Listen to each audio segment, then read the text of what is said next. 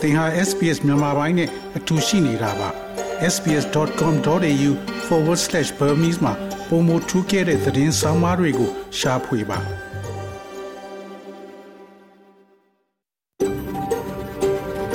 SBS A world of difference You're with SBS Burmese on mobile, online and on radio. mobile online နဲ့ radio ပေါ်မှာသင်ဟာ SPS မြန်မာပိုင်းနဲ့အ တူရှိနေတာဖြစ်ပါတယ်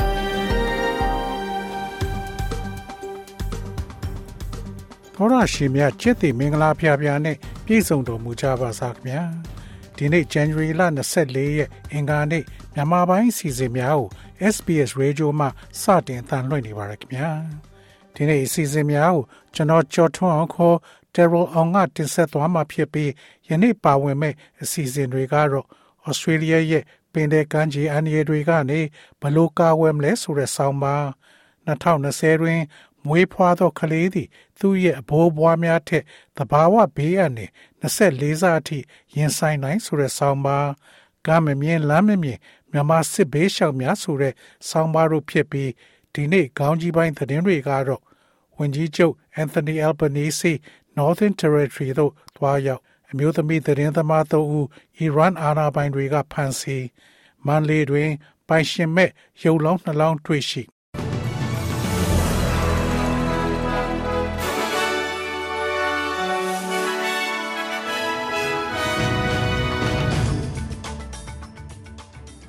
ယခုချိန်ကစပြီးသတင်းများကိုကျွန်တော်ကြော်ထုတ်အောင်ကစတင်ဖတ်ကြားပါတော့မယ်။ဝန်ကြီးချုပ်အန်သိုနီအယ်ဘနီစီမြောက်ပိုင်းနေမြေသို့သွားရောက် ဝန်ကြီးချုပ်အန်သိုနီအယ်ဘနီစီသည်မြောက်ပိုင်းနေမြေရဲ့ဝန်ကြီးချုပ်နတာရှာဖလိုင်းနဲ့တွေ့ဆုံရန်အဲလစ်စပရင်းသို့သွားရောက်ခဲ့ပါတယ်။အတိုက်ခံခေါင်းဆောင်ပီတာဒါတင်သည်ဩစတြေးလျဖက်ဒရယ်ရဲတပ်ဖွဲ့အားအဲလစ်စပရင်းတွင်ဖြန့်ချက်ထားရန်တောင်းဆိုပြီးနောက်မစ္စတာအယ်ဘနီစီသည်အဆိုပါဒေသသို့သွားရောက်ရန်ဖိအားများမြင့်တက်လာခဲ့ခြင်းဖြစ်ပါတယ်။ Alice Spring ရှိဌာနေတိုင်းသားဩစတြေးလျလူမျိုးများသည်တချို့သောရရွာများတွင်အရက်တားမြစ်ချက်ပြန်လည်ထည့်သွင်းခြင်းအပါအဝင် ပြဿနာများကိုဖြေရှင်းရန်အစီအမံများတောင်းဆိုခဲ့ပါတယ်။ Tyson Kamodi သည် King's Narrative ရဲ့ Managing Director ဖြစ်ပြီး Aboriginal အမျိုးသားများအတွက် counseling အကြံဉာဏ်ပေးခြင်းဝန်ဆောင်မှုများပြုလုပ်ပေးပါတယ်။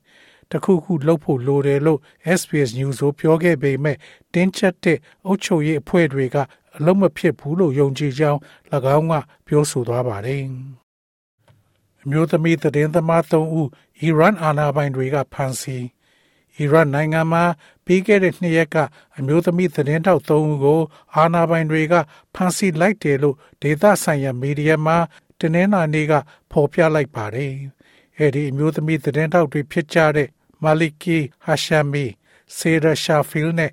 မာရနော့ရှ်ဇာရီတို့ကိုအစိုးရစန့်ကျင်ရေးစန္ဒပြသမားတွေကိုဖမ်းဆီးချုပ်နှောင်ထားတဲ့ even အချင်းထောင်သို့ပို့လိုက်တယ်လို့အီရန်သတင်းသမားများသမဂ္ဂကိုကိုးကားပြီးဒီမဲ့သတင်းစာမှာဖော်ပြလိုက်ပါတယ်။သူတို့ထဲကဆေဒီရှာဖရီဟာအလို့သတင်းထောက်နဲ့ဝိထုစာရေးဆရာဖြစ်ပြီးမာရဇာနီက ပြုပြင်ပြောင်းလဲရေးဆိုင်ရာ စာပေတွေကို ရေးသားထုတ်ဝေသူဖြစ်ပါတယ်။ကျန်တူဖြစ်တဲ့ဟာရှမီကတော့ရှာရီအမည်ရှိတဲ့မီဒီယာမှာအလုပ်လုပ်နေသူဖြစ်ပါတယ်။သူတို့သုံးဦးရဲ့နောက်ဆုံးအခြေအနေကိုတော့မသိရှိရသေးပါဘူး။အီရတ်နိုင်ငံမှာအစိုးရစန့်ကျင်ရေးစန္ဒပြပွဲတွေစတင်ဖြစ်ပွားကြတဲ့ကနေအခုချိန်ထိလေးလအတွင်းမှာဖန်ဆီးခံရတဲ့တည်င်းသမားအရေးအတွက်ဟာခံမှန်းခြေ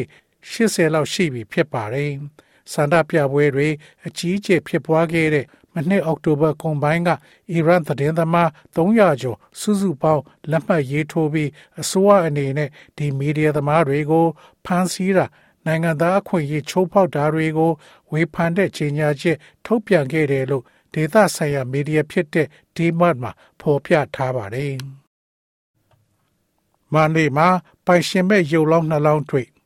January လ22ရက်ညနေပိုင်းတွင်တစ်ကြိမ် January လ21ရက်နံနက်ပိုင်းတွင်တစ်ကြိမ်စုစုပေါင်း2ကြိမ်ပိုင်ရှင်မဲ့ရုပ်လောင်းများတွေ့ရှိခဲ့ခြင်းဖြစ်ပြီးရုပ်လောင်းနှစ်ခုစလုံးတွင်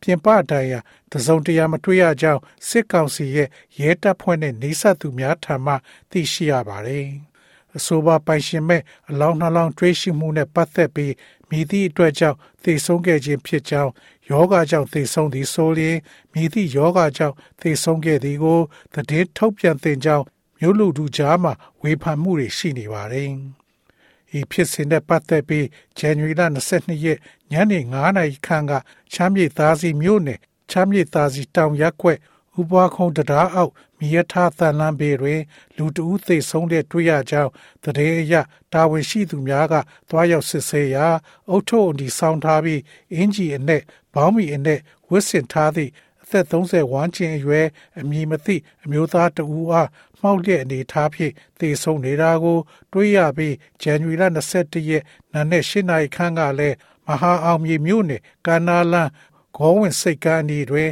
အသက်30ဝန်းကျင်အရွယ်ပိုင်ရှင်မဲ့အမျိုးသမီးတဦးရဲ့ရုပ်လောင်းအားတွေးရှိခဲ့ခြင်းဖြစ်ကြောင်းသိရှိရပါတယ်။ကင်ဆာမျိုးတော်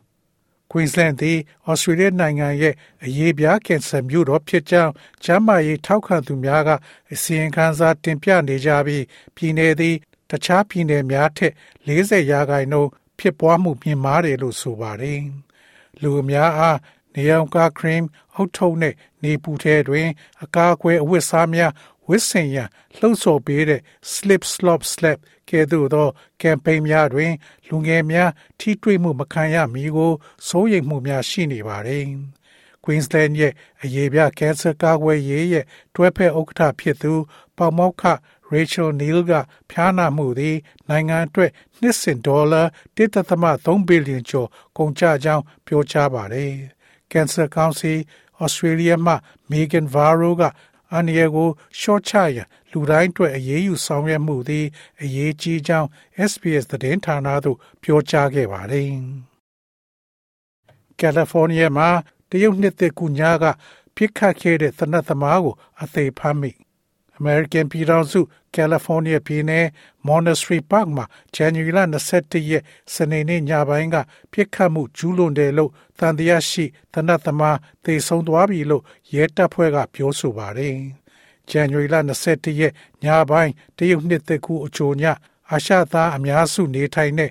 Monterey Park အရက်ကကပွဲခမ်းမတစ်ခုမှာပြစ်ခတ်မှုဖြစ်ပွားခဲ့တာကြောင့်လူ10ယောက်သေဆုံးပြီး10ယောက်ဒဏ်ရာရခဲ့ပါတယ်။ အစောပိုင်းပြစ်ခတ်မှုအပြီးနောက်အယ်ဟမ်ဘရာကနောက်ထပ်ကပွဲယုံတစ်ခုကိုဆက်သွားခဲ့ပေမဲ့သူတို့ကပွဲယုံတဲ့မဝင်နိုင်အောင်လူနှစ်ယောက်က အတင်းဝင်လုံးပြီးတားဆီးလိုက်နိုင်တာကြောင့်သူကဗန်ကာအဖြူတစည်းနဲ့ထွက်ပြေးသွားခဲ့ပါတယ်။တင်းင်းကနေနေ့မနေ့ပိုင်းမှာပြစ်ခတ်မှုဖြစ်ခဲ့တဲ့နေရာနဲ့သိပ်မဝေးတဲ့ Torrance ကဈေးဝယ်စင်တာ ကားပါကနာတွင်တခုတည်းသံတရားရှိသောသနတ်သမားအသက်82နှစ်အရွယ်ဟူချန်ထရန်ဟာကားထဲမှသေဆုံးနေတာကိုရဲတွေကတွေ့ခဲ့ပါတယ်။ရဲတွေကကားနာကိုရောက်တဲ့အချိန်မှာသနတ်တန်တစ်ချက်ကြားလိုက်ရတယ်လို့ရဲတပ်ဖွဲ့ကပြောဆိုပါတယ်။ချန်သာရွာဖျားကြောက်မီးရှို့ခံမှုအတွက်ပုတ်ရဟန်းမင်းကြီးဝန်တဲ့စကားပြော။ အချမ်းဖက်ပဋိပက္ခတွေပေါ်ပေါက်နေတဲ့မြန်မာနဲ့ကမ္ဘာတလွှားငြိမ်းချမ်းရေးအတွက်တနင်္ဂနွေနေ့ကကြာရောက်တဲ့တရုတ်နှစ်သက်ကူအထိမ်းအမှတ်ဟောကြားရာမှာပုပ်ယဟမင်းကြီးကတိုက်တွန်းလိုက်ပါတယ်။စကိုင်းတိုင်းရေဦးမြို့နယ်ချမ်းသာကျေးရွာကနှစ်ပေါင်းရာကျော်ခရိယန်ဖျားเจ้าမီးရှို့ဖျက်ဆီးခံရတဲ့သတင်းတွေထွက်ပေါ်ခဲ့ပြီးနောက်မှာပုပ်ယဟမင်းကြီးမိန့်ကြားလိုက်တာဖြစ်ပါတယ်။ မြန်မာနိုင်ငံမှာအရေးပါဆုံးနဲ့ရှေးအကျဆုံးဝိဖြူနေရာတွေထဲမှာအပါဝင်ဖြစ်တဲ့ချမ်းသာရွာကဖျားเจ้าမီးရှို့ဖျက်ဆီးခံရတာအပါအဝင်မြန်မာနိုင်ငံနဲ့ပတ်သက်လို့စိတ်မကောင်းဖြစ်ရကြောင်း Vatican ကျောင်းတော်စိတ်ပြည်တဲ့ရင်ပြင်ကပရိသတ်ကိုတနင်္ဂနွေနေ့ကပုပ်ယဟမင်းကြီး Francis ကမိန့်ကြားခဲ့ပါတယ်။ SBS SBS SBS SBS SBS This is SBS Radio ငွေလဲနှုန်းမှာတော့ Australian dollar ကိုမြန်မာကျပ်ငွေ1488ကျပ်ရရှိပြီး American dollar ကိုမြန်မာကျပ်ငွေ2099ကျပ်ရရှိပါတယ်။ Australian dollar ဟာ American 80 cent နဲ့ညီမျှပါတယ်။မနေ့ဖြန်ဩစတြေးလျတိုက်မှာရှိတဲ့မြို့ကြီးများရဲ့မိုးလေဝသခန့်မှန်းချက်ကတော့ဆစ်ဒနီမြို့မှာအပူချိန်29ဒီဂရီစင်တီဂရိတ်ရှိမှဖြစ်ပြီးမိုးတိမ်သားများအနည်းငယ်ရှိမှဖြစ်ပါတယ်။ Melbourne မြို့မှာ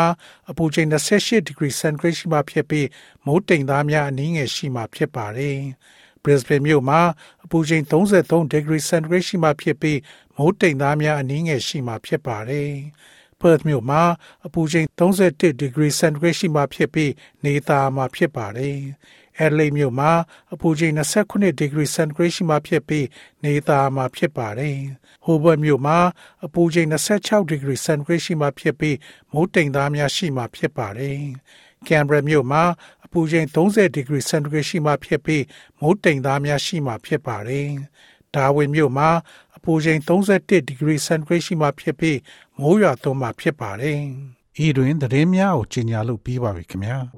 ။